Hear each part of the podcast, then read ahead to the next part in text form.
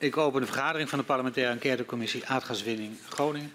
Aan de orde is het verhoor van de heer Schitterkatten en ik verzoek de griffier om hem en zijn steunverlener naar binnen te geleiden.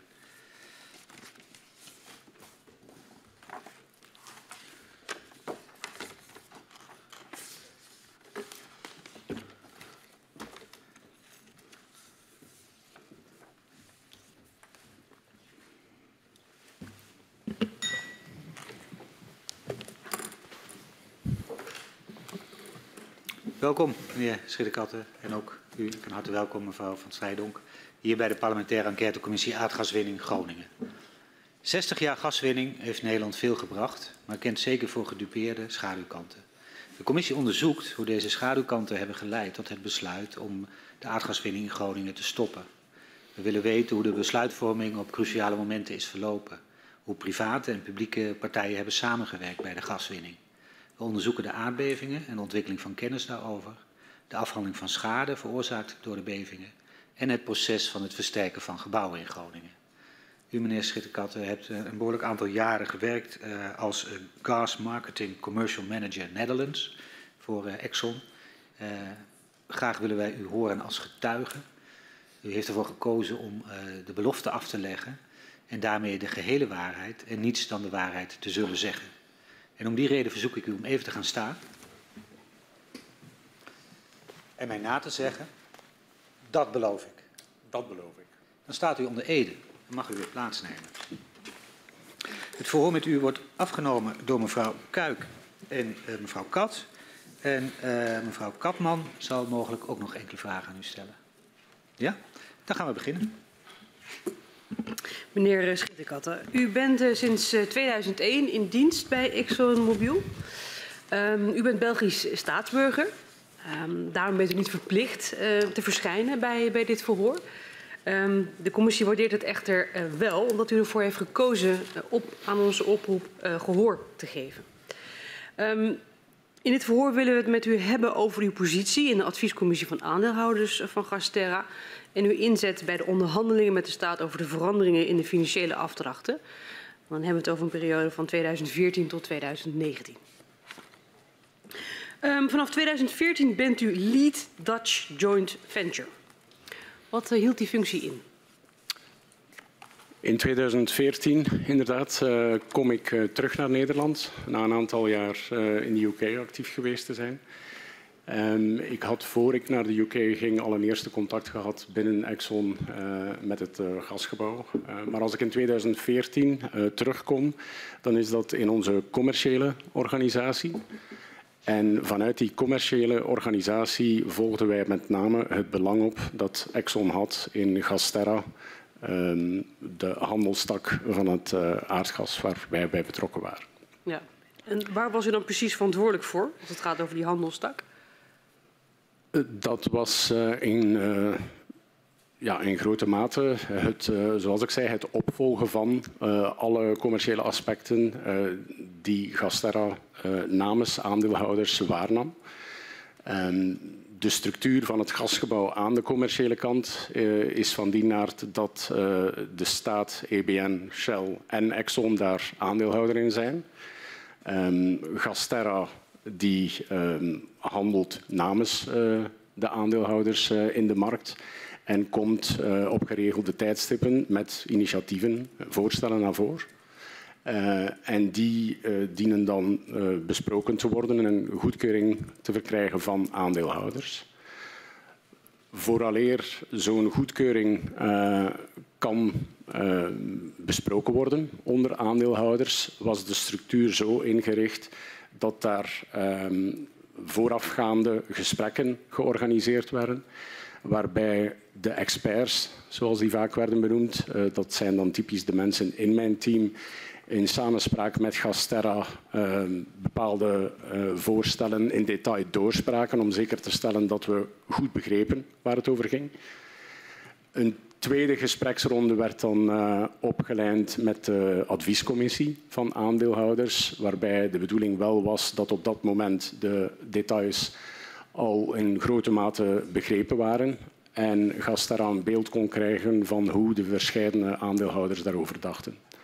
Zodanig dat op het moment als het CVG dan uh, samenkwam, dat er eigenlijk vrij snel een uh, discussie over de essentie van eventuele verschillen in mening nog kan plaatsvinden, maar toch vrij snel kan overgegaan worden naar het vragen om goedkeuring. Ja, in het college van gedelegeerde commissarissen.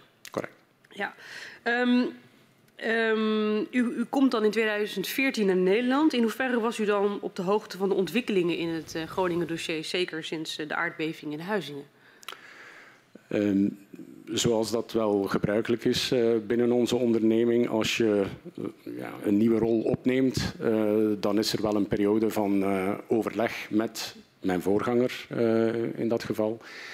Uh, het dient daarbij wel gezegd dat op dat lijstje van onderwerpen om te bespreken, daar staan op de eerste plaats wel de typisch commerciële dossiers uh, zoals die bij um, liepen.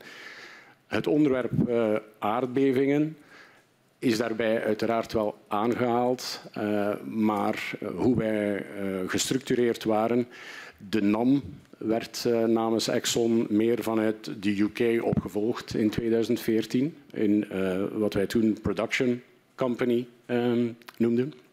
En ik zat aan de marketingkant, zoals gezegd. Dus ik zou dat willen omschrijven als het was een feit waar ik zeker van op de hoogte werd gesteld, maar niet als een actief onderwerp waar de verwachting van was dat, dat aan de commerciële kant daar iets moest mee gaan gebeuren. Ja, dus dan, dan heeft u eigenlijk in uw functie uh, niets te maken met, met seismische risico's. En, uh, dat klopt. Ja. ja. dus echt met de verkoopkant van, um, van, van gas. Ja. Duidelijk. In hoeverre was u, um, stond u in verhouding um, in uw functie tot de directeur van, van ESSO Benelux, de heer Van Roost? In 2014 rapporteer ik uh, rechtstreeks aan de heer Van uh, Roost op dat moment. Uh, en de heer Van Roost zat ook aan de commerciële kant bij Exxon. Ja, dus beide, um, ja, be, beide personen waren dus betrokken bij de commerciële kant van verkoop van, van gas. Ja. Oké. Okay. En in welke verhouding stond u tot het hoofdkantoor in Texas? In 2014 was het nog zo dat er een, uh, althans voor mijn rapportagelijn, was er een, uh, een vice-president functie uh, in de UK die de marketingaspecten over Europa overzag. En die rapporteerde op zijn beurt aan een president in Houston.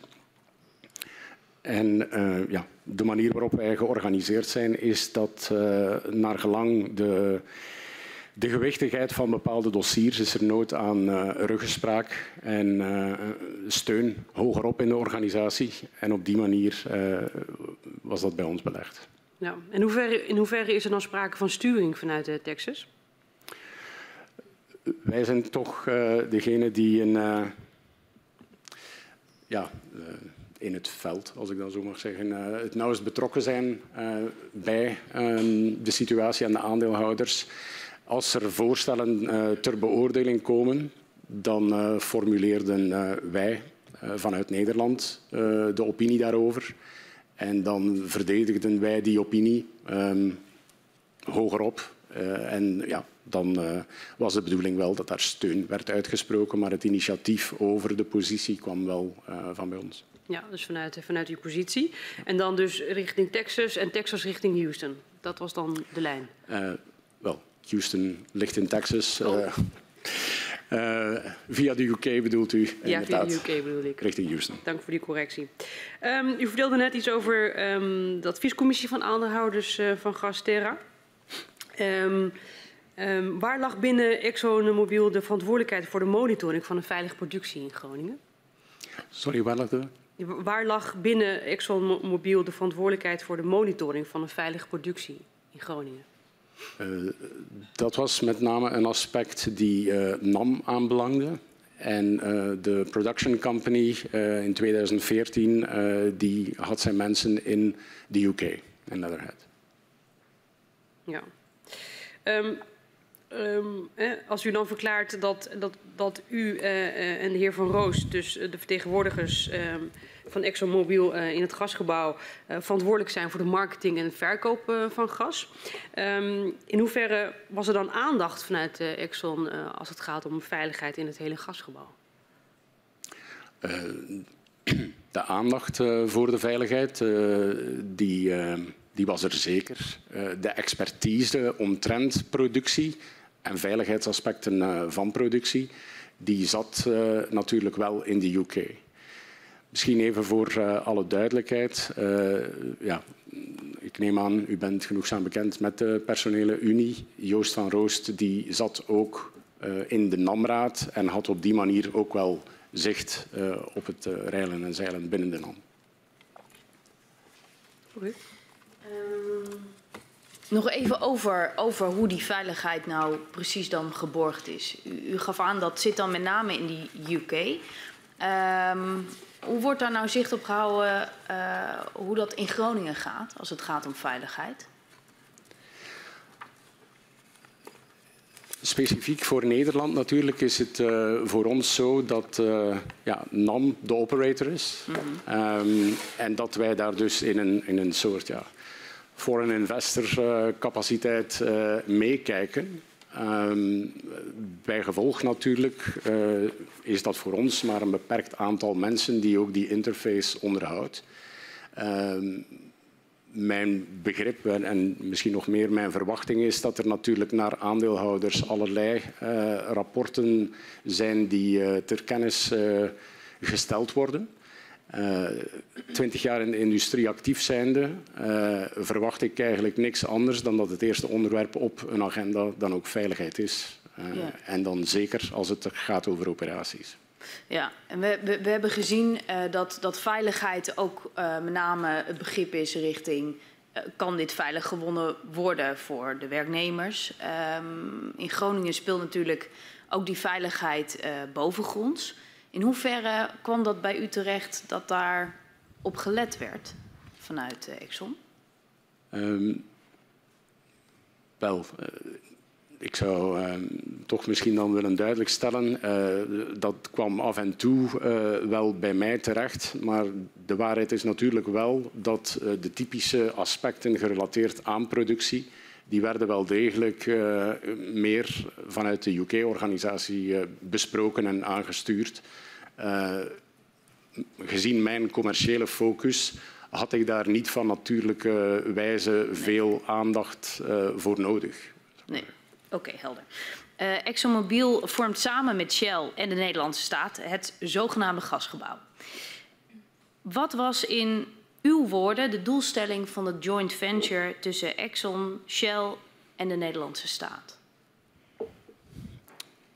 In, uh, in mijn woorden, nou, dat zijn niet helemaal mijn woorden, want uh, uiteindelijk is het wat we met z'n allen hebben afgesproken in het, in het OVS. Um, gaat het uiteindelijk met name over inderdaad zo goed mogelijk waarde realiseren voor alle aandeelhouders in het gasgebouw. Ja, dus um, als ik dat samenvat, de, de primaire taak was dus uh, waardemaximalisatie van Nederlandse gasvoorkomens. Ja. Oké. Okay. Waren er nog andere belangen voor ExxonMobil um, bij het Nederlandse gasgebouw? Wel, eh, voor alle duidelijkheid, eh, waarde eh, houdt natuurlijk heel veel aspecten in uh, en mag niet zo simpel herleid worden tot winst. Uh, dus waarde behelst onder andere ook het veilig produceren. Uh, dus in die optiek zou ik zeggen, waarde is misschien een heel korte samenvatting, maar er komt best meer bij kijken. Ja. Nogmaals, vanuit mijn specifieke functie uh, was het wel degelijk uh, zo dat aan de commerciële kant uh, ik dan niet zozeer met die veiligheid bezig was, maar eerder met de commerciële aspecten. Ja. Dus dat, dat is voor uw functie de kern. Um, gaswinning breidt in uw periode haar verkoopportfolio uit. Zo gaat Gasterra bijvoorbeeld meer groen gas inkopen en verkopen. Hoe keek ExxonMobil daarna? Um, wij waren het uh, idee van groen gas niet zo genegen. Dat heeft u vast kunnen nalezen. Um, dat is geen principiële kwestie, mm -hmm. maar eerder een observatie van ons tweeën. Wij zitten in een samenwerkingsverband. Dat samenwerkingsverband heeft een specifieke doelstelling. En groen gas was wat ons betreft daar geen, uh, geen onderdeel van. Um, dat is ook een, toch een stuk uh, een nieuwe tak van sport. Uh, als wij als bedrijf zouden overwegen om nieuwe takken van sport onder de arm te nemen, dan is het nog maar de vraag of we dat zouden doen in bestaande structuren met een overheid en met een van onze grootste concurrenten. Is, is dat um, nadelig voor het primaire doel, dat verkopen van dat gas? Of hoe moet ik dat zien? Ik wil daar niet noodzakelijk meteen een uh, nadelig uh, etiket op kleven, maar eerder uh, we houden ons liever bij de essentie van onze afspraken. Ja. en groen gas behoorde daar niet toe.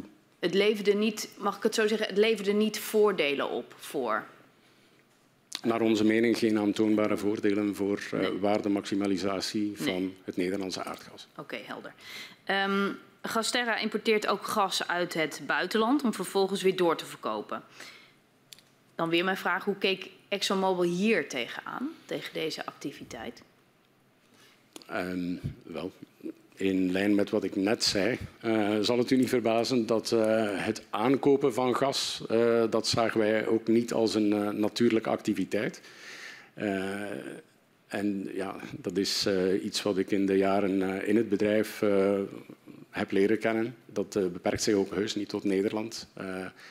maar wij zien onze focus met name op het winnen van gas waar we zelf eigenaar van zijn en ja. daar zoveel mogelijk waarde bij te creëren. Een incidentele aankoop kan soms een goed idee zijn om waarde te vermeerderen. Het structureel inkopen van gas is duidelijk iets wat wij niet van nature zullen overwegen. Nee. In, in hoeverre stonden deze activiteiten, waar we het net over hebben gehad, hè, het, inkopen van, van uh, groen gas en, en, doorverkopen en het importeren van uh, buitenlandgas, um, hoe, hoe, stonden de andere aandeelhouders um, uh, daarin die dat wel wilden? In vergelijking met, met de positie van Exxon. Hoe ging dat? Um, nou, vanuit mijn perspectief uh, denk ik dat uh, de staat uh, meer open stond voor dat thema. -hmm. dat Gasterra dat onder de arm nam.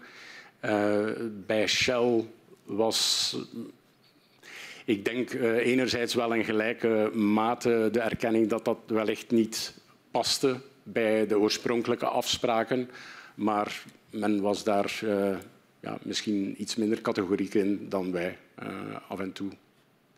Stond, stond, dit nou, deze activiteiten nou de, de maximalisatie van opbrengsten van het Groningen gas in de weg? Um, in de grote orde der dingen um, moet je de, ja, misschien dat wel dan in de juiste categorie zien. Maar nogmaals, um, ik zit aan die commerciële kant, dus dan kijk ik ook maar op een deel van uh, alle activiteiten. Um, als, je, als je actief wil gaan zijn in groen gas, dan kijken wij daar kritisch naar, omdat het toch wel weer een extra activiteit is waar extra mensen mee aan de slag zullen gaan. En dan kijken wij nogal uh, ja, gedisciplineerd naar, is de incrementele kost, uh, hoe verhoudt zich die tot de incrementele benefit? En uh, is het dat wel waard? Ja. Stond het dan de maximalisatie in de weg? In de weg zou ik een te scherpe uitlating vinden. Mm -hmm. um, maar voor ons was het geen, behoorde het niet tot de kern van de zaak. Zoals u uh, zojuist aangaf, de belangrijkste doelstelling van Gasterra is zeker tot, 2000, tot 2018 de waardemaximalisatie van het Groningse gas. Maar waardemaximalisatie kun je natuurlijk bezien op de lange termijn, maar ook op de korte termijn, binnen een jaar. Wat was de positie van ExxonMobil hierin? Um, waardemaximalisatie betekende eenmaal aan de commerciële kant uh, dat met name de volumes die ter beschikking waren van Gasterra uh, om te verkopen, dat die aan een zo goed mogelijke prijs konden in de markt gezet worden. Um, in 2014 uh, kom ik aan en dat is ja, heel kort voor de eerste jaarlijkse bepalingen door de minister uh, afgekondigd worden. Uh, dus heel kort daarvoor opereerden wij nog onder een tienjaarsplafond. en inderdaad, dan was de doelstelling om dat plafond zo goed mogelijk te benaderen. Naarmate nieuwe beslissingen van de minister duidelijk gemaakt werden, dan natuurlijk pasten wij ons aan en opereerden wij in lijn met die nieuwe target volumes. Ja, maar wat, wat, betekent het dan, dat jaarlijkse productieplafond, wat dus in 2014 wordt ingesteld voor de verkoop van Groningsgas, uh, als we het hebben over het streven naar waardemaximalisatie? Uh, voor ons betekent dat uh, dat het een getal is dat zeker niet kan overschreden worden, ehm, voor alle duidelijkheid. Maar tegelijkertijd betekent het ook dat elke kuub die niet geproduceerd wordt en had kunnen geproduceerd worden, wel degelijk waardeverlies is voor het ganse gasgebouw, inclusief ExxonMobil. Ja. En uh, wat uh, vond ExxonMobil ervan als het plafond dan niet gehaald werd? Uh, ja, dat, dat kon niet op bijval rekenen bij ons. Nee, en wat betekent dan niet op bijval rekenen? Dat was een, ja, dat was een gas die door de minister was beoordeeld als veilig om te produceren, blijkbaar. Uh, en toch was dat dan niet geproduceerd.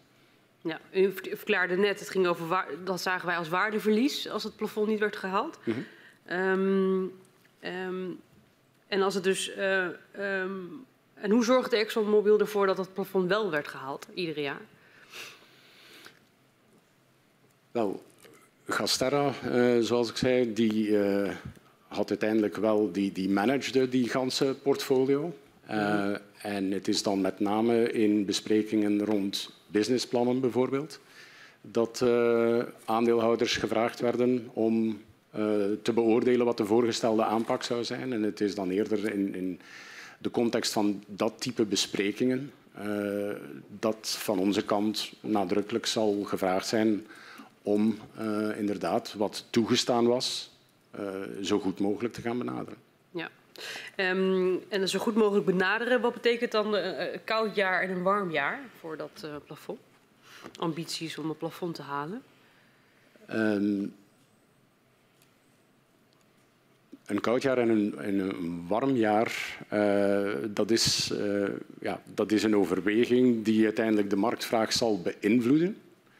Um, maar uiteindelijk hadden we een getal door de minister uh, aangegeven waar we mee aan de slag konden. Um, de overwegingen die achter dat getal uh, gingen, um, die namen wel in acht dat het bijvoorbeeld een koud jaar kon zijn. Of ja. een warm jaar. Ja, maar in principe, of het nou een koud jaar is of een warm jaar is, het doel is het productieplafond van dat jaar te gaan halen. Ja, wij waren uh, niet van oordeel dat een volume die ons toegestaan was om te produceren minder veilig zou gaan worden omdat het een warmer jaar was. Ja. Um, we zien dat Gasterre in 2014 uh, nogal moeite heeft om het jaarlijks plafond te bereiken. Het is dan een historisch warm jaar. Uh, aan het einde van de zomer geeft de directie van Gasterra een presentatie waarin ze spreken van het grote risico van onderscheiding van het jaarlijkse plafond. Hoe reageerde ExxonMobil op dit bericht van Gasterra? Heel precies uh, zou ik dat niet weten. Uh, ik neem aan dat u daar uh, correspondentie heeft van kunnen zien.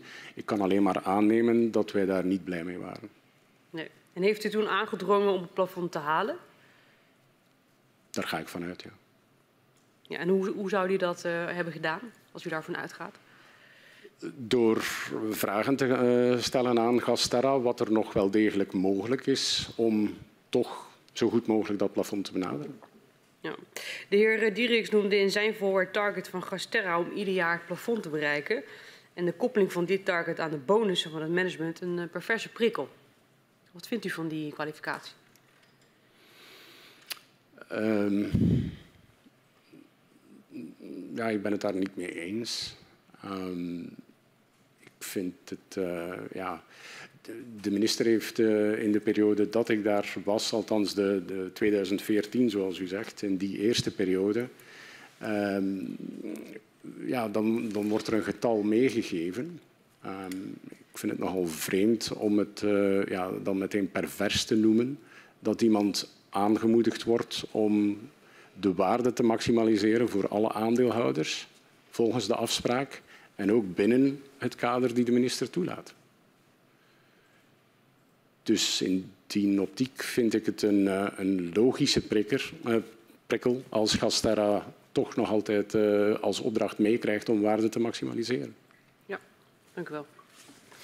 Um, ik ben nog wel benieuwd, hoe, hoe kon u nou bijhouden of dat plafond een beetje op schema liep? Of de doelstelling op schema liep? Was dat maandelijks dat u inzicht kreeg in hoeveel er was gewonnen? Of halfjaarlijks? Hoe, hoe ging dat?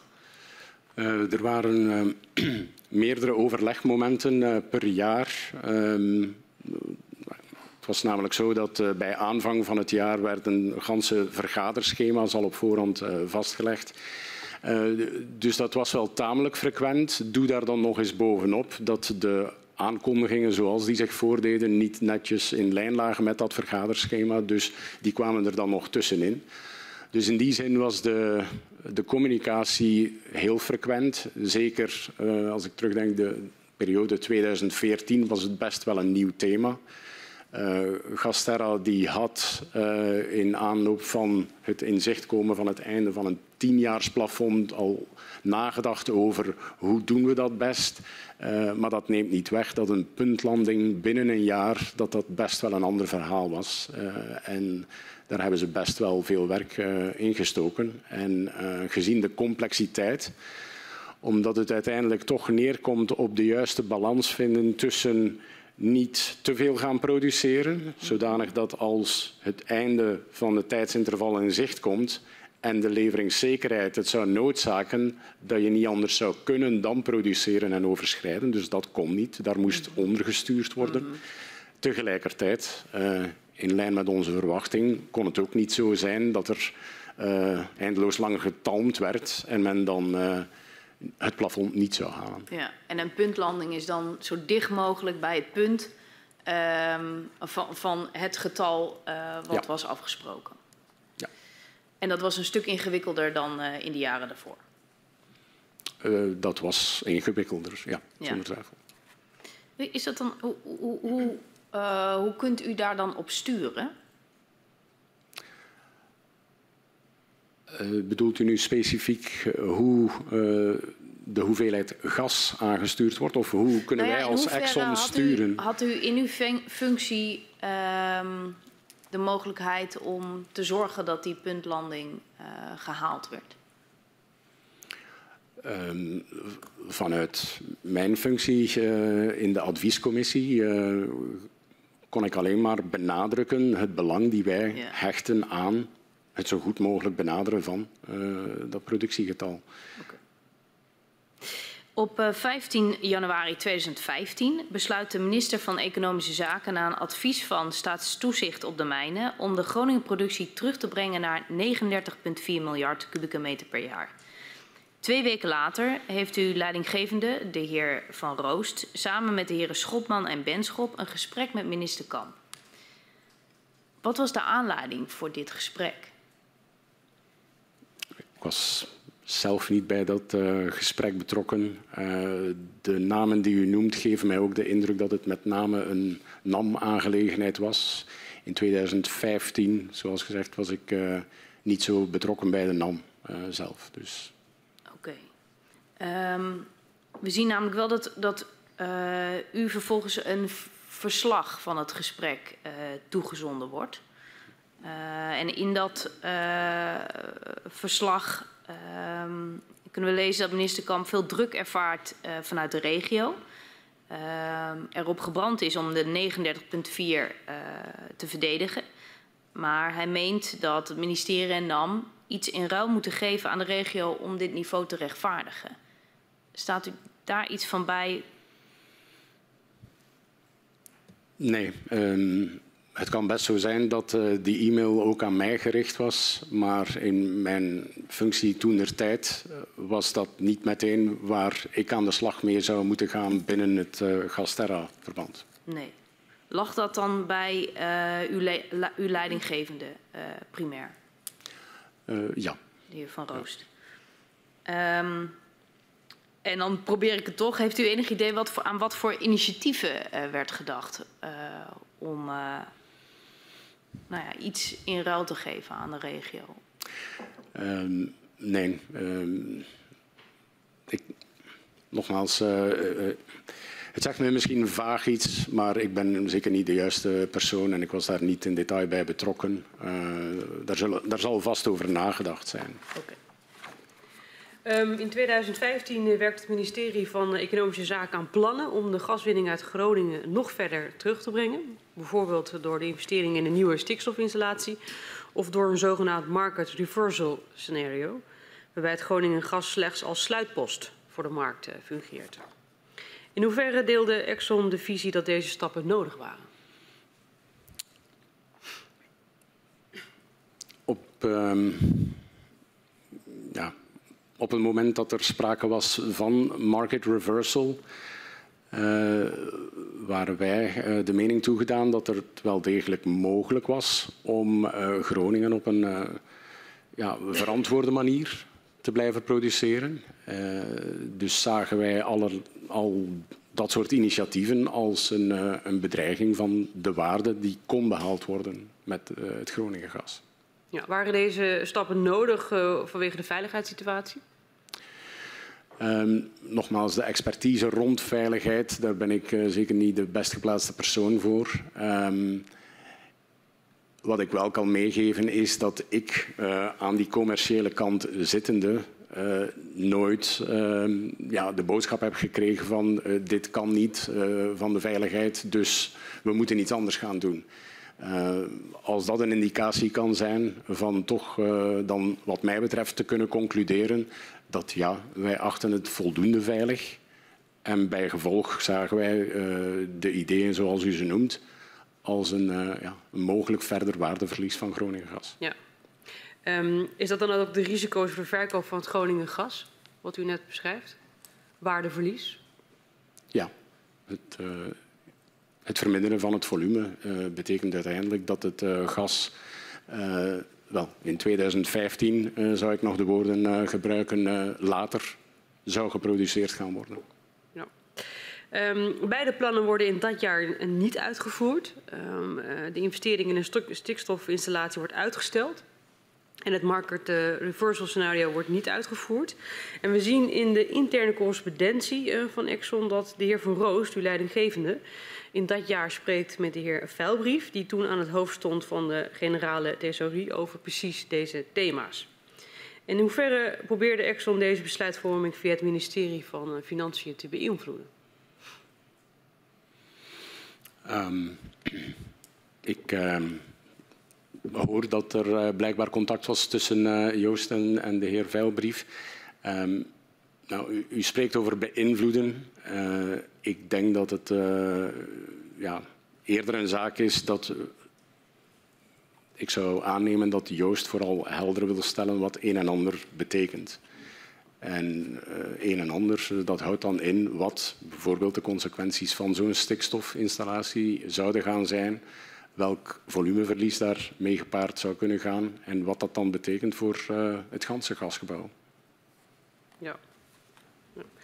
Um, we zien dat uh, Exxon in dat jaar erop, in 2016, uh, ook een advocacy plan opstelt om de besluitvorming over het winningsplan van, uh, van NAM te beïnvloeden.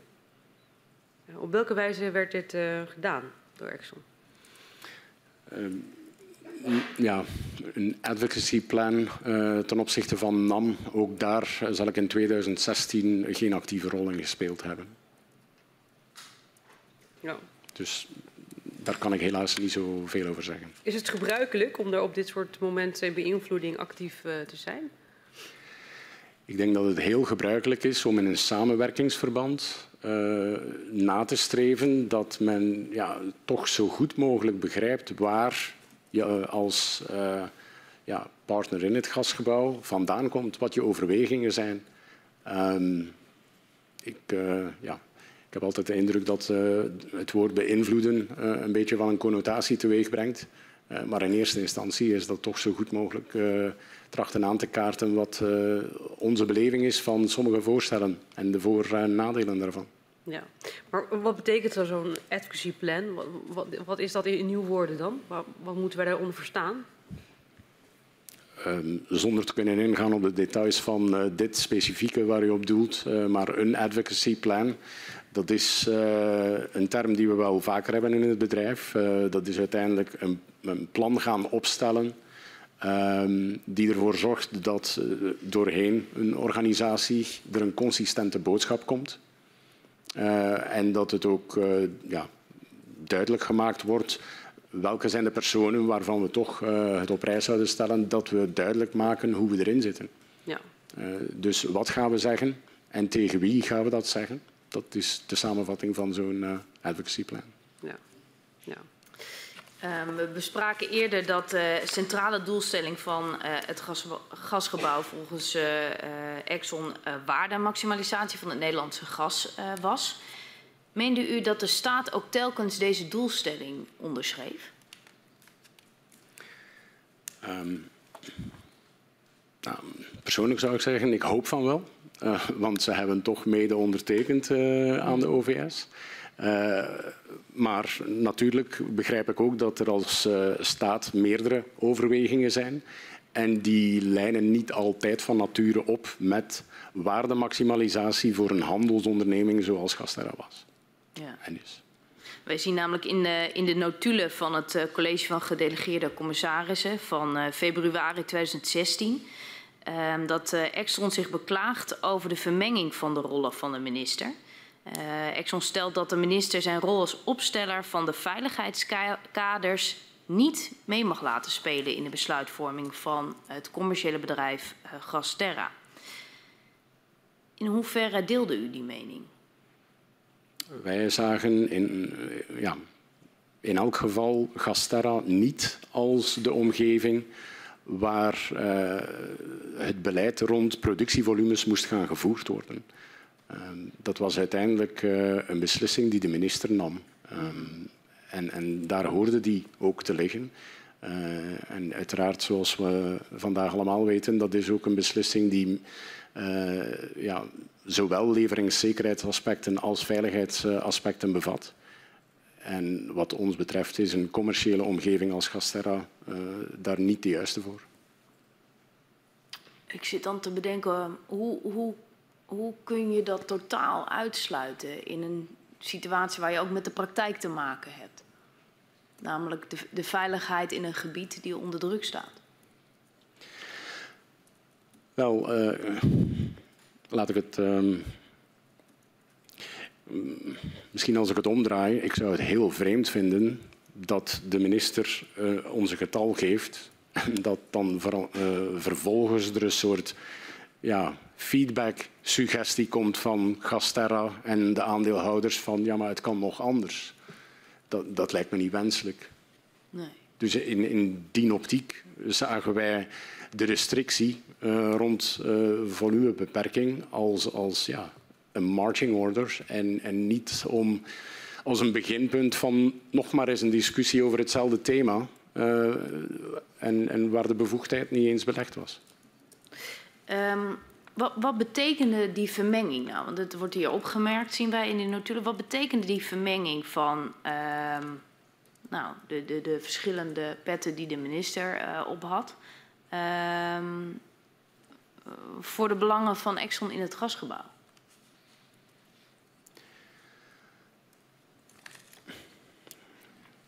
Nou, rond uh, februari 16 zou ik dat dan toch uh, met name zien als uh, ja, in lijn met de eerdere opmerkingen. Um, dit is niet de plaats waar wij dan nog verdere volumeverliezen wouden gaan toestaan. Ja, en dat was eigenlijk wel het gevolg wat u merkte doordat de verschillende belangen doorklonken vanuit de EZ-kant.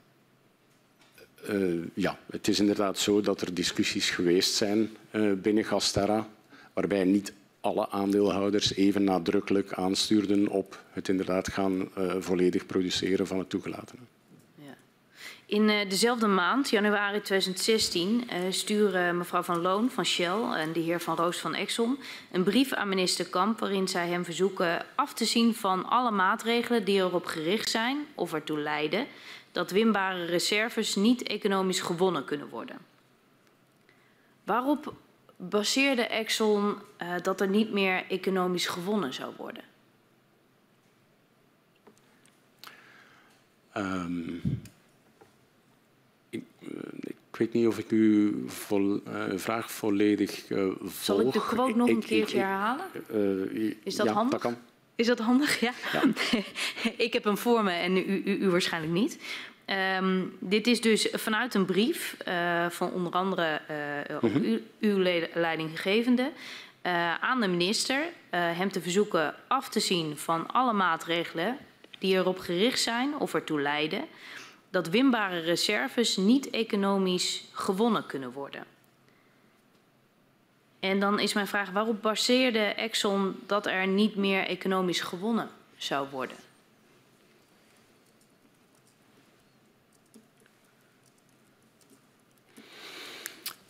Um,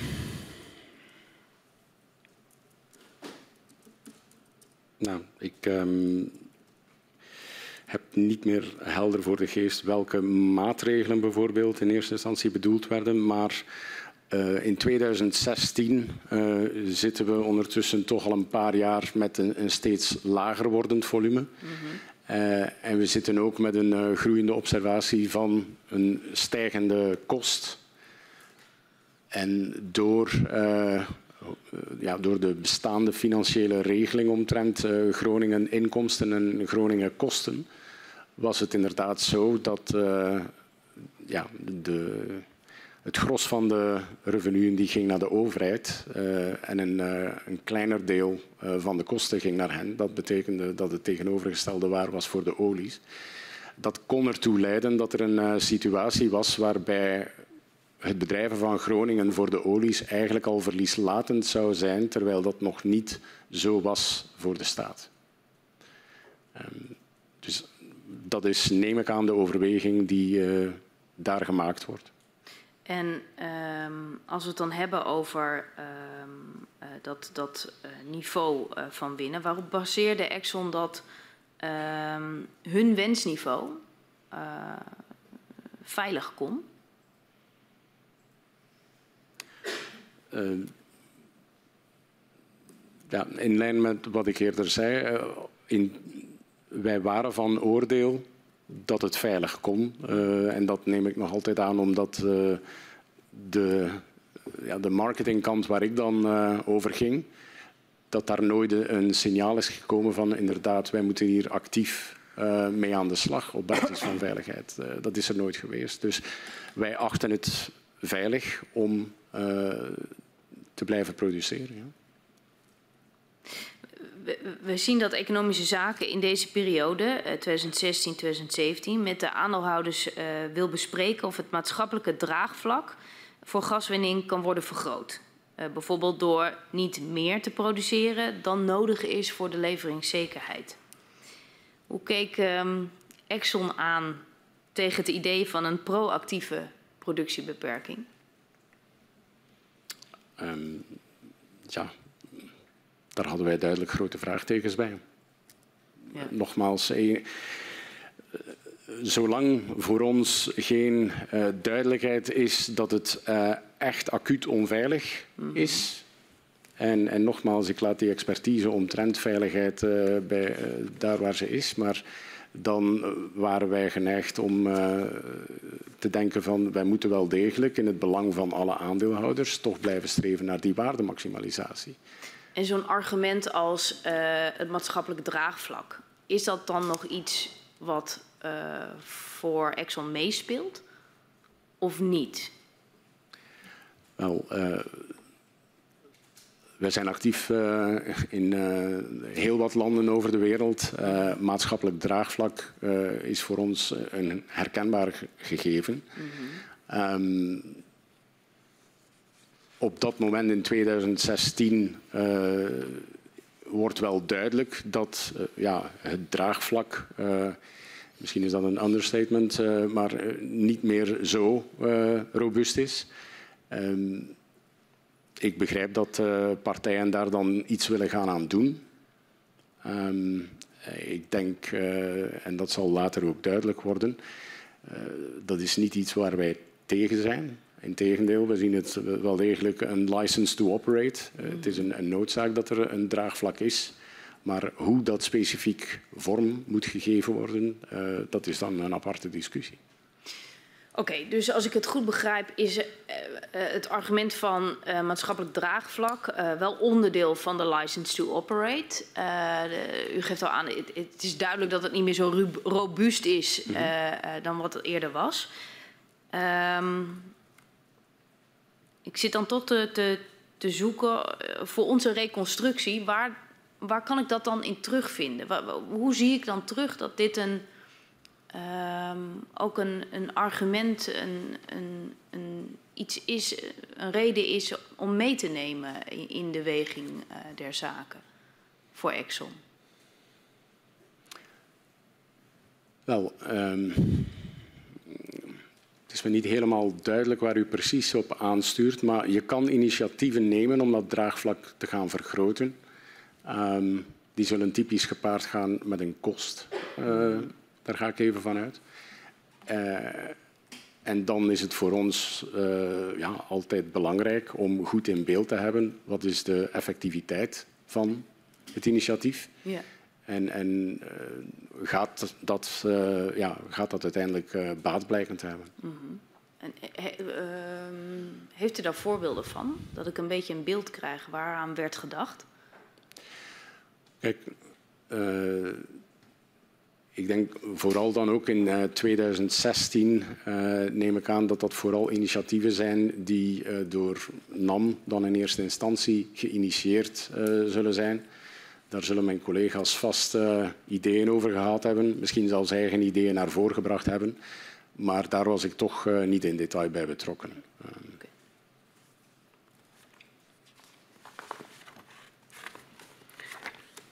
Um, vanaf 2016 uh, beginnen de partijen in het gasgebouw onderhandelingen over een nieuwe verdeling van de kosten en opbrengsten uit het Groningenveld. Um, en onderhandelingen met de Staten resulteren uiteindelijk in 2018 in het akkoord uh, op hoofdlijnen. Wat was uh, de belangrijkste aanleiding voor deze onderhandelingen? Um, ja, ik denk in essentie de problematiek die ik daarnet beschreef. de Groningen volumes die gingen naar beneden. Um, daarmee gingen de inkomsten logischerwijs ook naar beneden. En door het feit dat de, de staat, uh, ja, even afgerond, 90 procent uh, van die inkomsten zag, um, maar ook afgerond slechts twee derde van de kosten zag, was dat iets wat dus aan onze kant zou gaan knellen. En um, dat was, ja, dat was een probleem. Um, gaandeweg, maar dan moet ik even zien of ik uh, het juiste moment in de tijd vast heb. Er zijn nog uh, bijkomende overwegingen uh, geweest later waarom er toch wel nood was om te gaan praten. Um, op een bepaald moment worden de volumes of zouden die zo laag kunnen zijn Um, dat je eigenlijk niet meer kan voldoen aan leveringszekerheid. En, en dan kom je in een heel lastig uh, parket terecht als uh, operator. Ja. Dus de aanleiding was, uh, de volumes gingen naar beneden, de inkomsten gingen naar beneden en de kosten gingen omhoog. Ja. ja. hoe oordeelt u over het resultaat van die onderhandelingen? Um, nou, ik ben zou ik zeggen. Ik zal het houden met het is goed dat we een resultaat bereikt hebben. Ja, kunt u daar iets meer eh, woorden aan uh, Wel, maken? Ik uh, zit uh, al wat langer aan de commerciële kant. En persoonlijk kijk ik niet terug op een, een deal waar ik heel blij van word. Nee, u wordt er, u, u wordt er niet blij van, van nee. die deal? Nee. Wie heeft, welke partij heeft volgens u het, het meeste uit die onderhandelingen gehaald? Ik denk dat de staat hier heel wat uit de onderhandelingen gehaald heeft, ja. Ja. En wat betekent dat dan voor de staat? Ehm, als we terugkijken uh, wat er allemaal dan in het AOH is uh, besproken en uiteindelijk finaal bereikt. En u vraagt mij nu om dat te bekijken door de bril van de staat.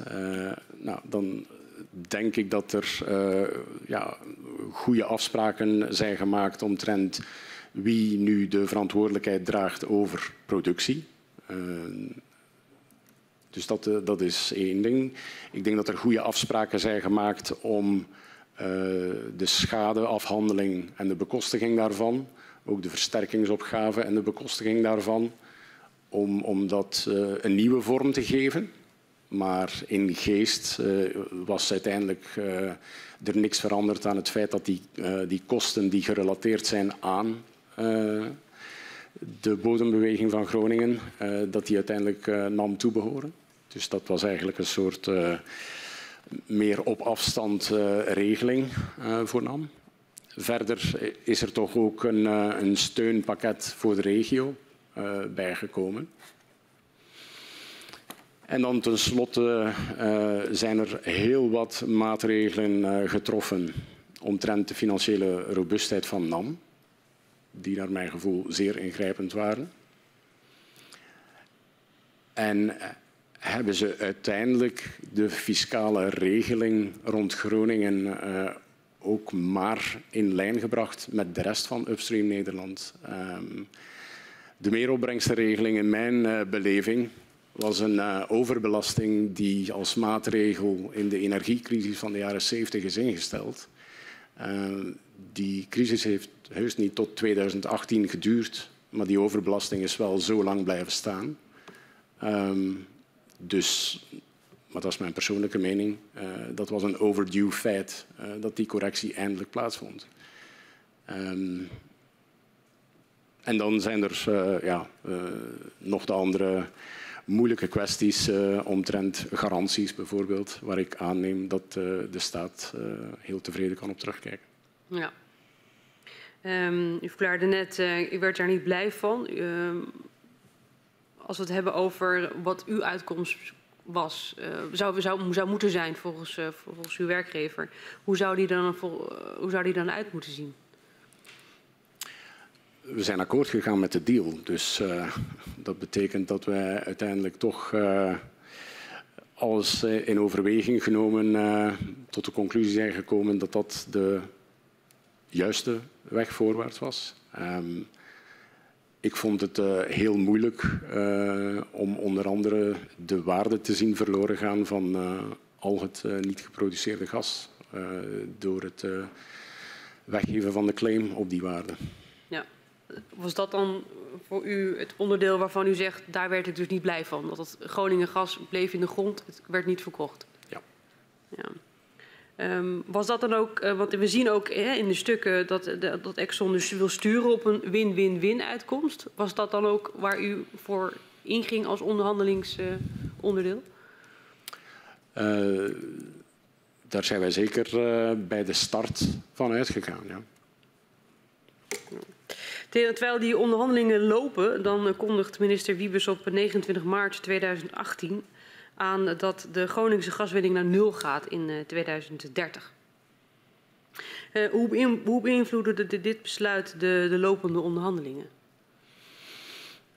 Um, ja, dat was nogal een, uh, een drastische boodschap.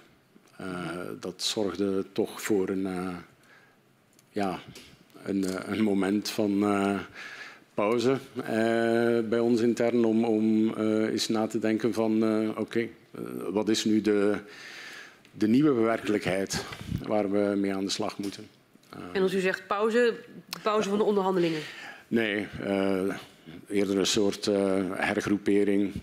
even ja, met de mensen van Exxon samen ja, laten bezinken wat nu eigenlijk de consequenties waren van die brief. De onderhandelingen die zijn uiteindelijk relatief snel uh, in snel tempo doorgegaan, want in, in juni was het akkoord uh, dan uiteindelijk bereikt. Dus, uh... ja. En als u zegt pauze, hoe reageerde Exxon uiteindelijk daarop dat het gas dus niet meer gewonnen kon worden? Ja, dat. Um...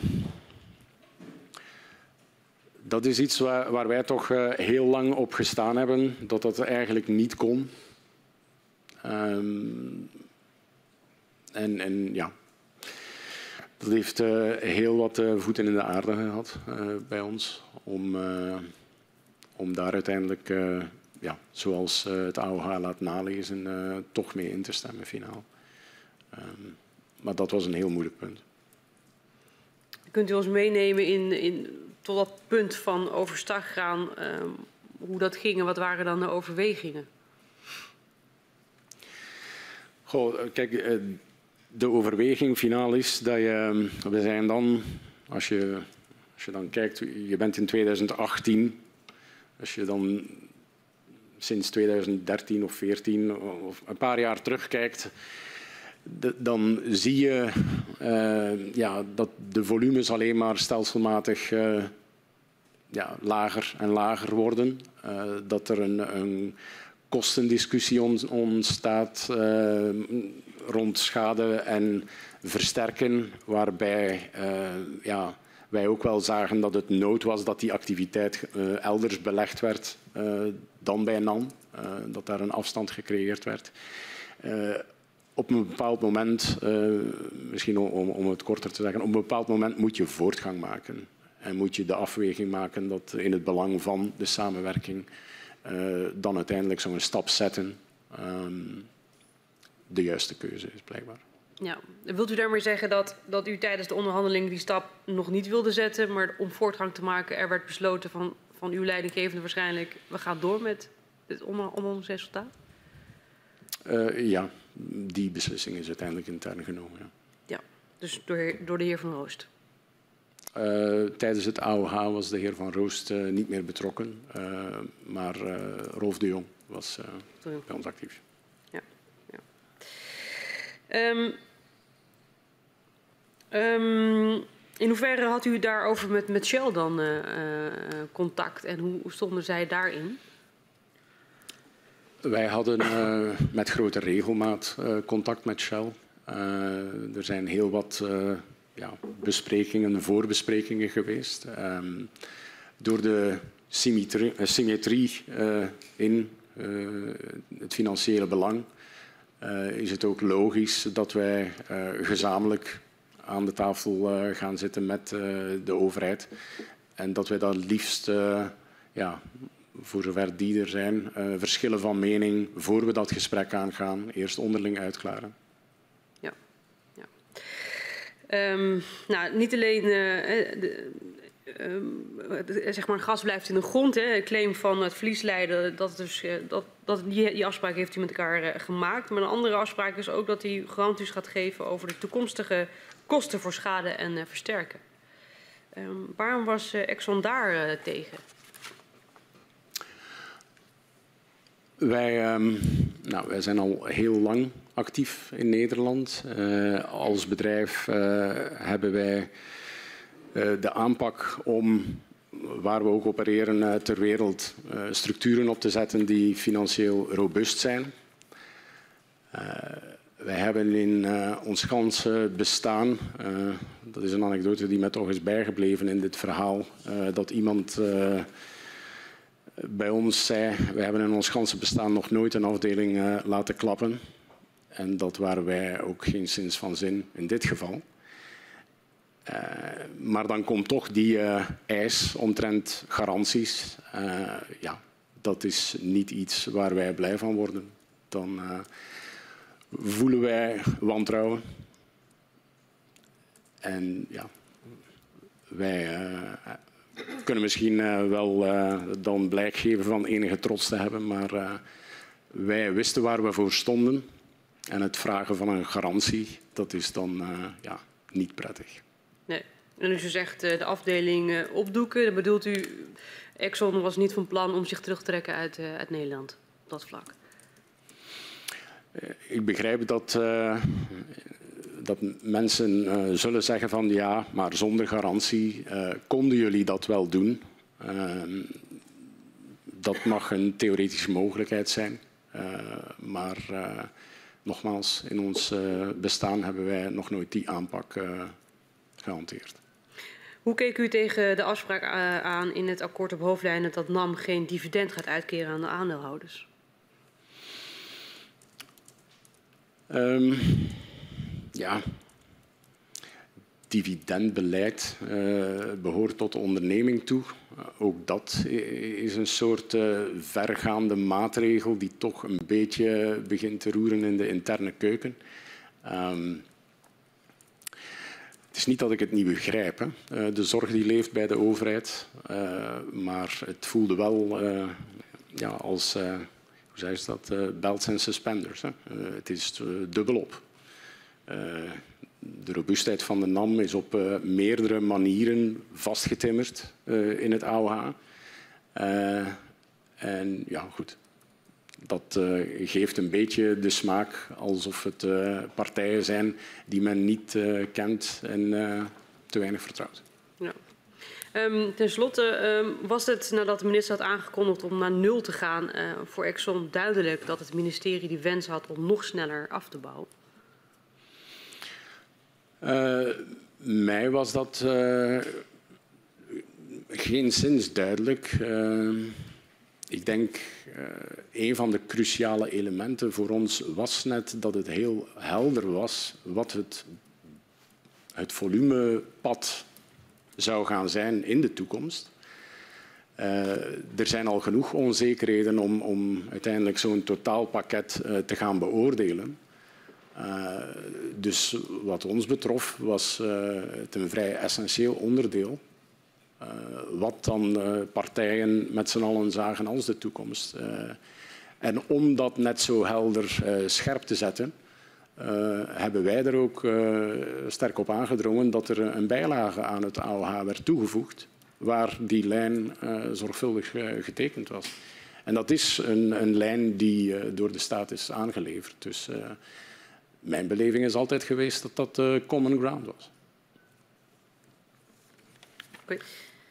Ik heb nog één vraag over het afgeven van die garanties. U gaf aan, uh, in ons bestaan hebben we eigenlijk nog nooit de lijn gehanteerd dat we uh, nou ja, die niet hè, daarvoor zouden weglopen.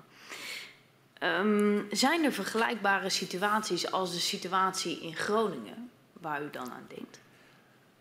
Uh, wel, al naar gelang hoe gedetailleerd uh, u het Groningen-dossier wil gaan beschrijven.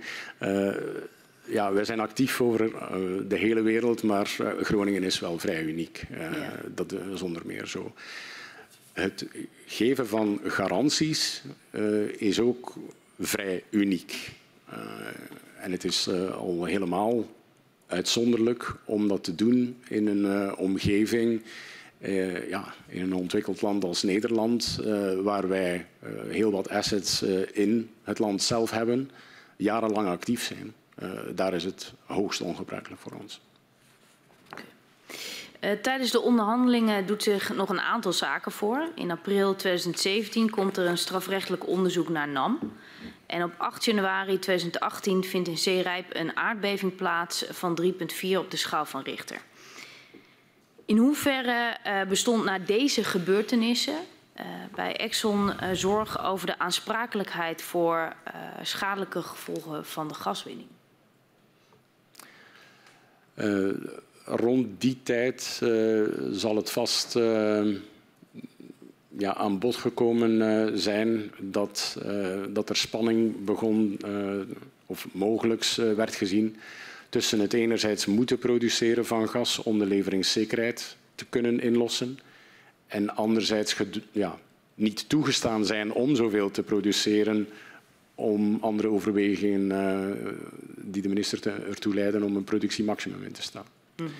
uh, dus dat was wel degelijk een zorg. Uh, nu, mijn beleving is dat dat een, zorg is die ja, bijna zo vanzelfsprekend is dat uh, alle partijen in het gasgebouw wel zagen dat dat een, een puzzel was die moest opgelost worden. Ja. Uh, twee dagen na de beving uh, van Zeerijp stuurt NAM een brief aan SODM met een voorstel om een aantal beheersmaatregelen te nemen. een van die beheersmaatregelen was een jaarlijkse productievermindering het lijkt alsof de NAM-directie dus uit eigen beweging uh, minder wil produceren. In hoeverre was Exxon op de hoogte gesteld van uh, dit voorstel van de NAM? Um, wel, als aandeelhouder van de NAM hoop ik dat we daarvan op de hoogte zijn gesteld. Um, maar uh, ik zelf heb geen uh, heldere herinnering aan dit specifieke schrijven. Nee. En ik, ik, ik, ik, snap ook helemaal dat u op een aantal vragen, bepaalde vragen, uh, nou ja, er niet bij bent geweest. Mm -hmm. we hadden anders die vragen aan uw leidinggevende wilden stellen. Um, maar we proberen toch voor de reconstructie te kijken hoeveel uh, u ons kan meegeven om dat plaatje compleet te maken.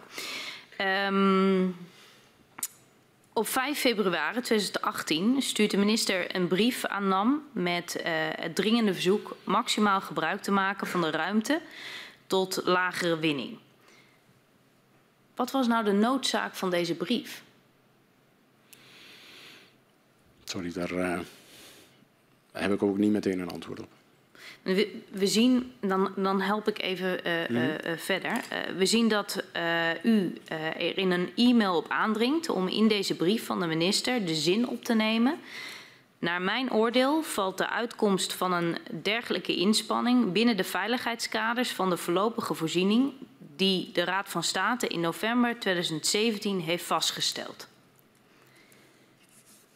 Waarom hecht u daar waarde aan, aan die zin?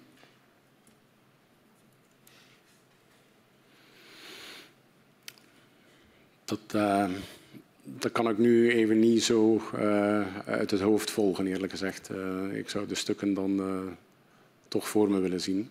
Ja. Ik kijk even of we daar op een later moment dan op terug kunnen, kunnen komen. Ehm, misschien in algemeenheid. Ehm, hoe gebruikelijk was, was het dat u tekstvoorstellen deed voor brieven van de minister? Uh, nou, ik denk uh, hoogst ongebruikelijk uh, is, de, is, is het eerlijke antwoord. Um, dat zijn natuurlijk ja, heel moeilijke tijden. En ik denk wel dat ja, uiteindelijk de partners in het gasgebouw met z'n allen zo goed en zo kwaad mogelijk ja, de, de situatie tot de. Ja, een goed einde uh, trachten te brengen. Uh, maar dat er wel voortdurend zorgen waren uh, dat, dat daarbij alle partijen aan boord bleven. en dat sommige punten dan voor ons gevoeligheden inhielden die we dan graag als suggesties meegaven. Um, bij het besluit van minister Wiebes om de gaswinning naar nul af te bouwen van 29 maart 2018 kondigt hij ook aan dat hij met een voorstel gaat komen voor de winningsplicht van NAM. In hoeverre was dit een inzet van Exxon uh, bij de onderhandelingen? Uh, wel, dat uh, kadert uh, dan toch, uh, als ik dat goed uh, begrijp, dat, dat kadert in de wens dat de minister uiteindelijk de regie van de productie gaat overnemen. zoals we dat betracht hebben ook in het AOH. Um, dus dat NAM hoogstens aangeeft wat mogelijk en beschikbaar is, maar het uiteindelijk de minister is die die beslissing neemt van hoeveel er gewonnen moet worden. Ja, dus dat volgt uit dat de zorgplicht overgaat van NAM naar de staat. Naar de staat, ja. Um, er wordt uh, in het akkoord uh, op hoofdlijnen ook afspraken gemaakt om de versterkingsopgave publiek te maken. Um, welk belang had Exxon uh, daarbij? Om de versterkingsopgave publiek te maken. Um, dat durf ik nu even niet zo meteen plaatsen. Ja, dus publiekrechtelijk in plaats van commercieel. Oh, um, op, sorry. Als in de zin van overheid. Uh... Um, ik, ik, denk in dezelfde. Het past in de, de vaststelling dat uh, als NAM uh, dat zelf allemaal um, behartigt, dan zit je toch met het spanningsveld dat NAM de operator is die het gas produceert, daarmee ook ja, verbonden is aan de problematiek als die dan nog een rol blijft spelen in en wat is de remediëring daarvan, dat, ja, dat zal altijd uh, spanning met zich brengen. en dus uh, vandaar dat en schade en die versterkingsopgave uh, op een afstand moest geplaatst worden. Ja. Dus dan is ervoor gekozen om dat onder te brengen in um, de fondsen, zoals ze benoemd worden in het AOH.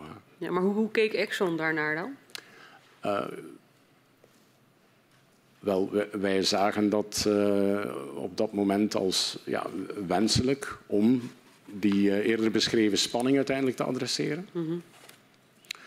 um, verder is het natuurlijk ook zo um, dat wij daar ons dan goed bewust zijn van het feit dat je het ook daarmee uit handen geeft en, en dat je dan nieuwe behoeftes krijgt naar uh, op de hoogte blijven van wat er dan wel uh, aan prestaties geleverd wordt en, en met welk doel. Ja, en als u zegt uit handen geven, wat betekent dat voor de kosten van de versterkingsopgave? De, goh, op, op, zich, uh, dat betekent uh, niet zoveel voor de kosten op zich. Het, het, gaat er eerder dan over welke kosten maar niet zozeer over het getal van de kosten. Nee, maakt Exxon daar zich nog zorgen over welke hoogte van die kosten er zijn? Uh, wij maken ons voortdurend zorgen over de hoogte van kosten. Uh, dat is, zal ook op dat punt blijven. Maar dat is vanuit een overweging die stelt dat de, de correcte en juiste kosten moeten vergoed worden. En waar bent u dan bang voor als u zegt de correcte en de juiste kosten vergoed worden?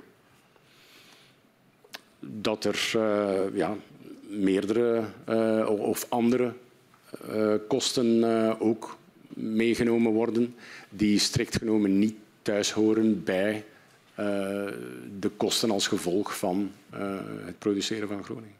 Ja, ja. Ja. Eh, is het daarmee, als het publiek rechtelijk het wordt, dat u dan uh, wat minder controle heeft op die, op die kosten? Uh, in het AOH zijn afspraken gemaakt rond het feit dat er inzage zal gegeven worden over de kosten. Um, dus ik denk dat wij op die manier getracht hebben om, om daar vorm aan te geven. Ik denk dat dat trouwens in het belang opnieuw is van zowel de overheid als de olies in dit dossier dat we een goed beeld hebben, hetzelfde beeld hebben, van welke kosten uh, daarmee gepaard gaan en op welke manier die uh, verhaald worden op NAM. Ja. Nou, we lezen ook in het akkoord op hoofdlijn dat er wordt gesproken over een fonds uh, voor de versterkingsopgave. Um, en we lezen dat Shell in deze context spreekt over een ruimhartige bijdrage aan de versterkingskosten vanuit de oliemaatschappijen. Hoe keek u aan tegen het gebruik van het begrip ruimhartigheid? Ben geen groot voorstander van de term ruimhartigheid, omdat ik denk dat uh, uh, dat voor uh, u iets anders betekent dan voor mij. en dan voor andere mensen aan tafel misschien dan nog weer iets anders. Dus um, mijn begrip van ruimhartigheid in deze context is eerder een, ik zou het liever pragmatisch noemen. dus ruimhartigheid, als dat betekent dat we niet eindeloos lang op details gaan stilstaan uh, met het oog op vooruitgang maken, dan kan ik me prima vinden in ruimhartigheid. Uh, nogmaals, als ruimhartigheid gaat in de richting van het aan boord nemen van kosten die in essentie niet gerelateerd zijn aan ja, de, de, productie van Groningen en de bevingen, dan vind ik dat minder van toepassing. Ja, en toch zag Rachel dat anders. Eh, nogmaals, u moet hen vragen hoe zij ruimhartig definiëren. Ja. En waar u bang voor was in uw woorden is van iedereen eh, verstaat er weer wat anders onder, onder ruimhartigheid. En daar uh, hebben wij vanuit Shell, Shell vanuit de uh, Exxon uh, meer de praktische invalshoek. Ik durf niet beweren dat anderen geen pragmatische invalshoek zouden hebben, maar ja, nogmaals, ruimhartig roept bij mij connotaties op waarvan ik ervan uitga dat dat niet hetzelfde betekent voor iedereen die het woord leest. Ja. Nadat het uh, akkoord op hoofdlijnen is vastgesteld, is er discussie over de vraag uh, of dit akkoord openbaar gemaakt uh, kan worden. Wat is de reden dat Exxon het akkoord op hoofdlijnen niet openbaar wilde maken?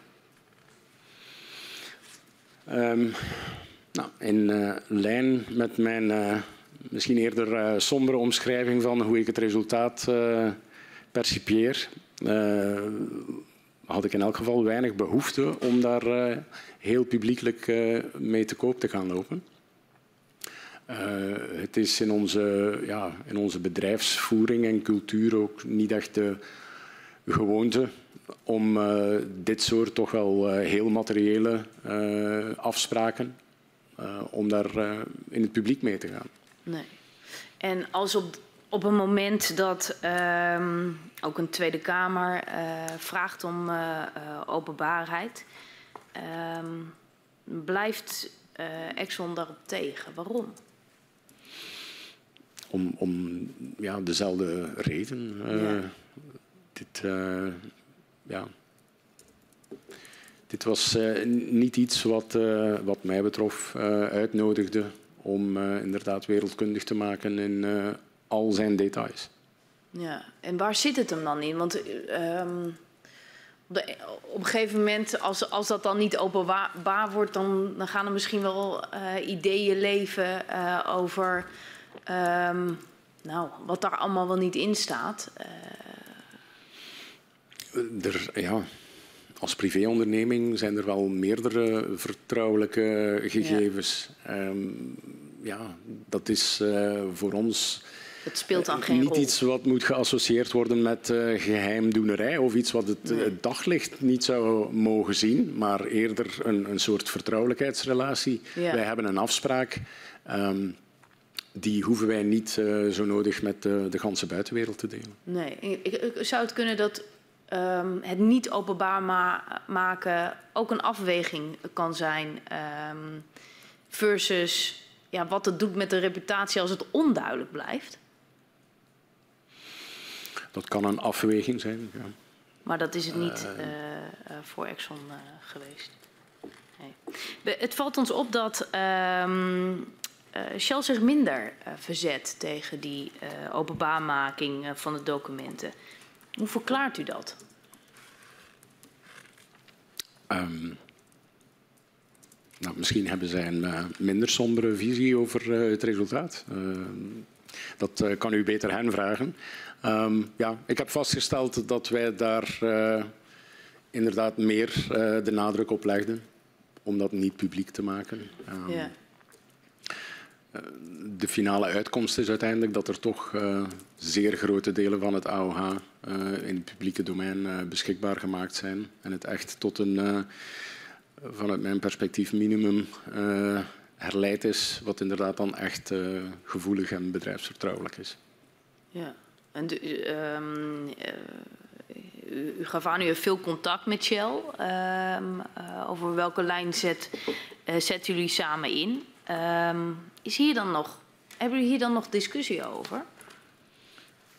Zoals uh, wel meerdere onderwerpen uh, ja. is daar vast ook uh, over gepraat. maar nogmaals, de uitkomst is bekend. Um, het is ja. geven en nemen in een onderhandeling uiteindelijk. Ja. Okay. Um, er zijn nog een aantal vragen die mevrouw Kapman voor u heeft. Ik, uh, ik heb nog een vraag over die, over die onderhandelingen en over het resultaat waarvan u zei, nou, uh, uh, de staat heeft een mooi resultaat geboekt. Eigenlijk zei u het in andere woorden, maar dat is de, wat ik eruit kan concluderen. Heeft u uw leidinggevende het advies gegeven om er langer door te onderhandelen voor een beter resultaat? Um, dat is zeker een overweging geweest die gemaakt is. En is dat dan zo dat u dat advies heeft gegeven om langer uh, door te onderhandelen? Of is dat dan. Wel, uh, een advies. Um, dat klinkt uh, al als iets wat heel rigide is en, en blijft staan. ik zou het eerder zien als, ja, zeker in die periode 2018. Uh, leven we in uh, althans bij ons in het bedrijf, uh, dan is het van s ochtends tot s avonds uiteindelijk het thema van het AOH die de agenda zet. Um, en dus daar zijn dan wel meerdere overwegingen. Um, en, en ja, de vraag stelt zich, is dit uiteindelijk een deal waar wij van denken dat die dan ja, acceptabel is? Ja. En, en, en ja, beter dan alternatieve uitkomsten. Wat zijn dan die verdere overwegingen? Um, ja, finaal, uh, je kan uh, ervoor kiezen om een uh, meer juridische weg te bewandelen.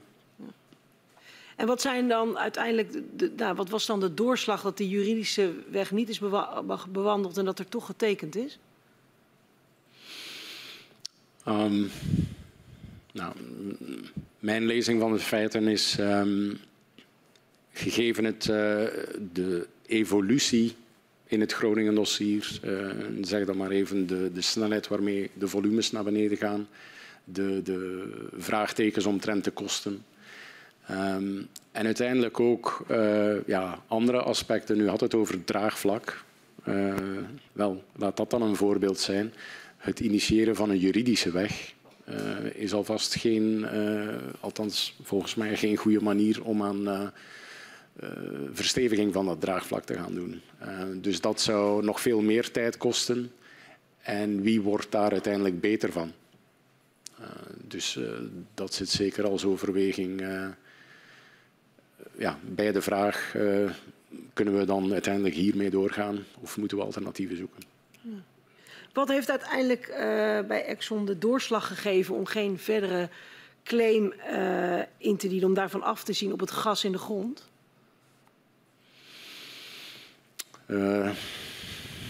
Al de rest van de overeenkomst. Het was een totaalpakket. En um, het was ons duidelijk uh, het is ons duidelijk gemaakt, uh, voor mochten we het betwijfelen, dat dat voor de staat een sine qua non was. Dus met andere woorden, als wij wouden meetekenen, dan moest de claim weggegeven worden. Bent u wel eens in Groningen geweest? Ik ben heel frequent in Groningen geweest, ja. En uh, was dat uh, voor uh, de, ja, zakelijk bezoek, om het maar zo te zeggen, of ook om te doorgronden wat zich daar nou afspeelde? Wat zoveel invloed had ook op uw ja, commerciële bedrijfsvoering? ik ben in die vijf jaar natuurlijk heel frequent naar Groningen geweest, omdat de aandeelhoudersvergadering, de, de adviescommissie van aandeelhouders, die vond plaats bij Gasterra op kantoor.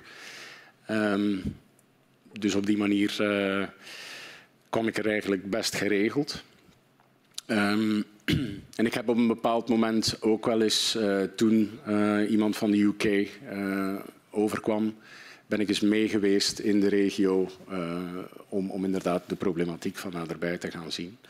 Um, dus ja, om te antwoorden op uw vraag. En toen u die problematiek van dichtbij zat, heeft dat toen uw werken beïnvloed? Bent u toen met een andere bril gaan kijken? Goh, um, met het risico dat ik uh, nu uh, heel koud overkom, maar um, mijn rol zat dus met name aan die commerciële kant.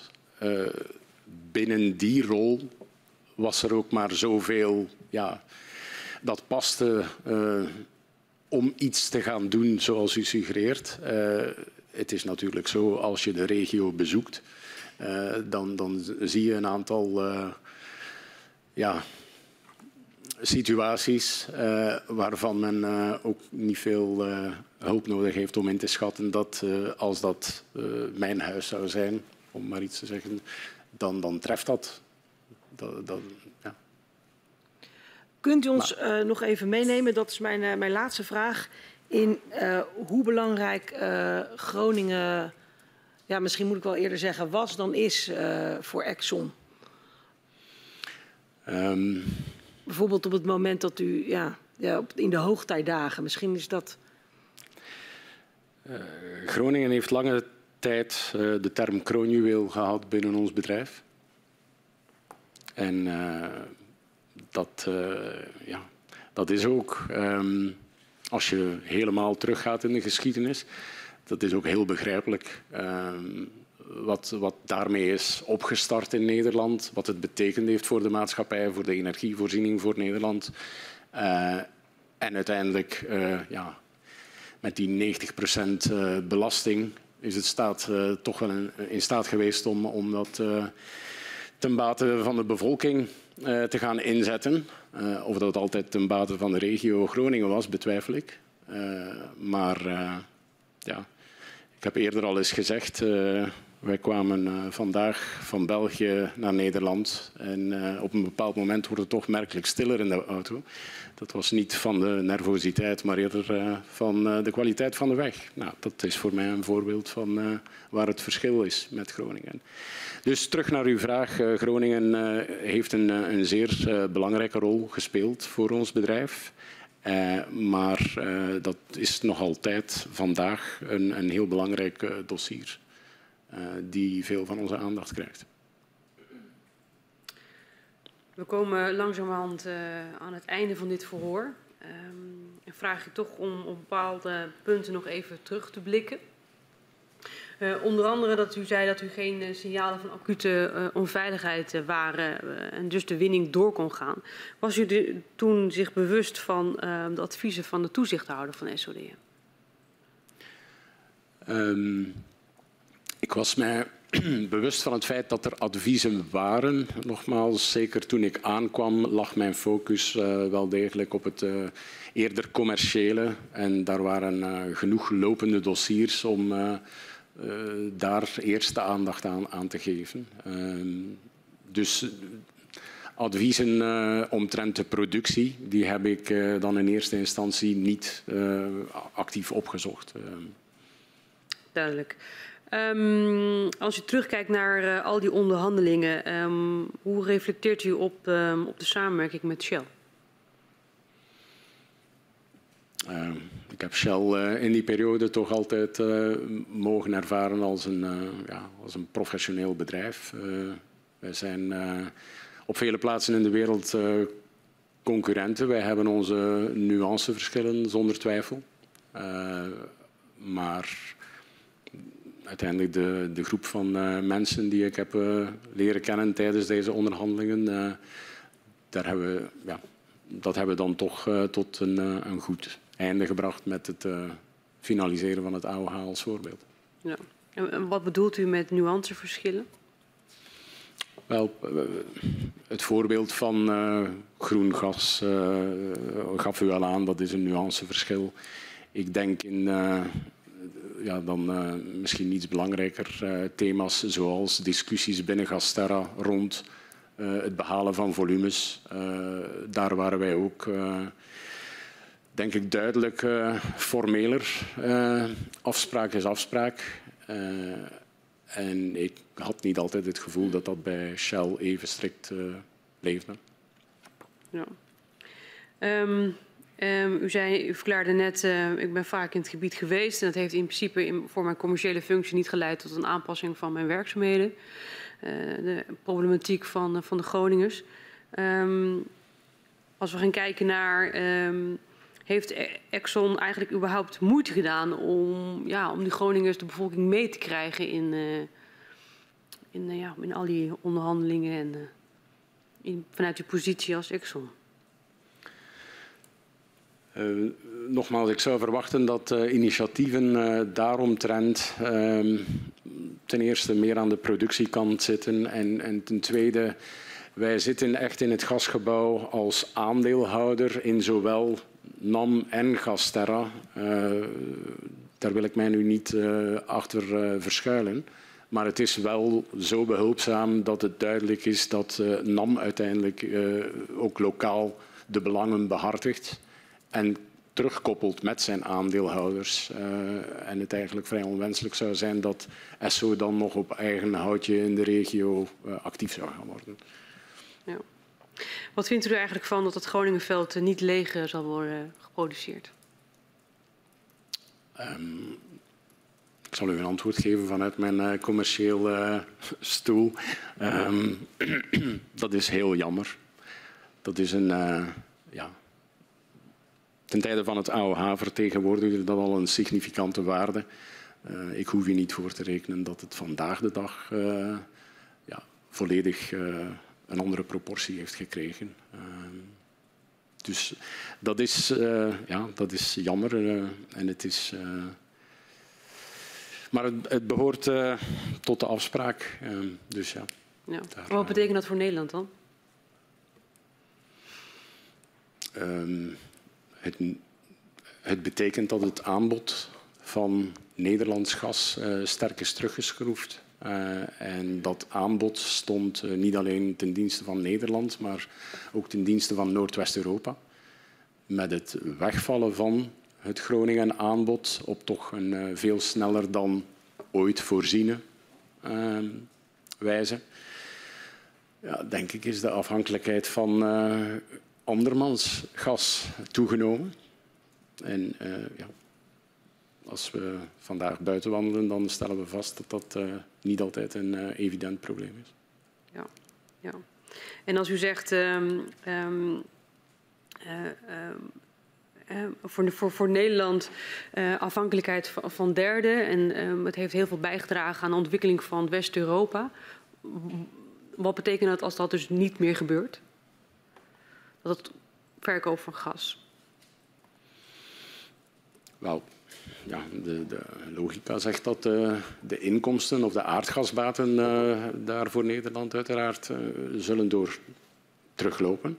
Um, dus die, die hulp in, in een staatsbegroting valt weg. Um,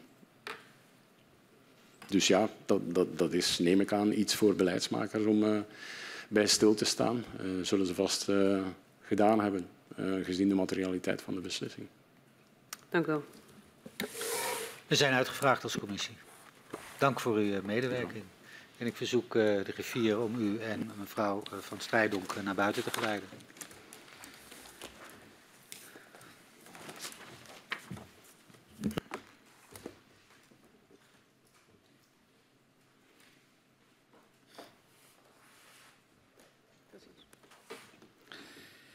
Morgenochtend gaan wij verder met een uh, verhoor uh, dat om half tien zal aanvangen uh, van mevrouw Van Loon, de president-directeur van Shell Nederland. Ik sluit de vergadering.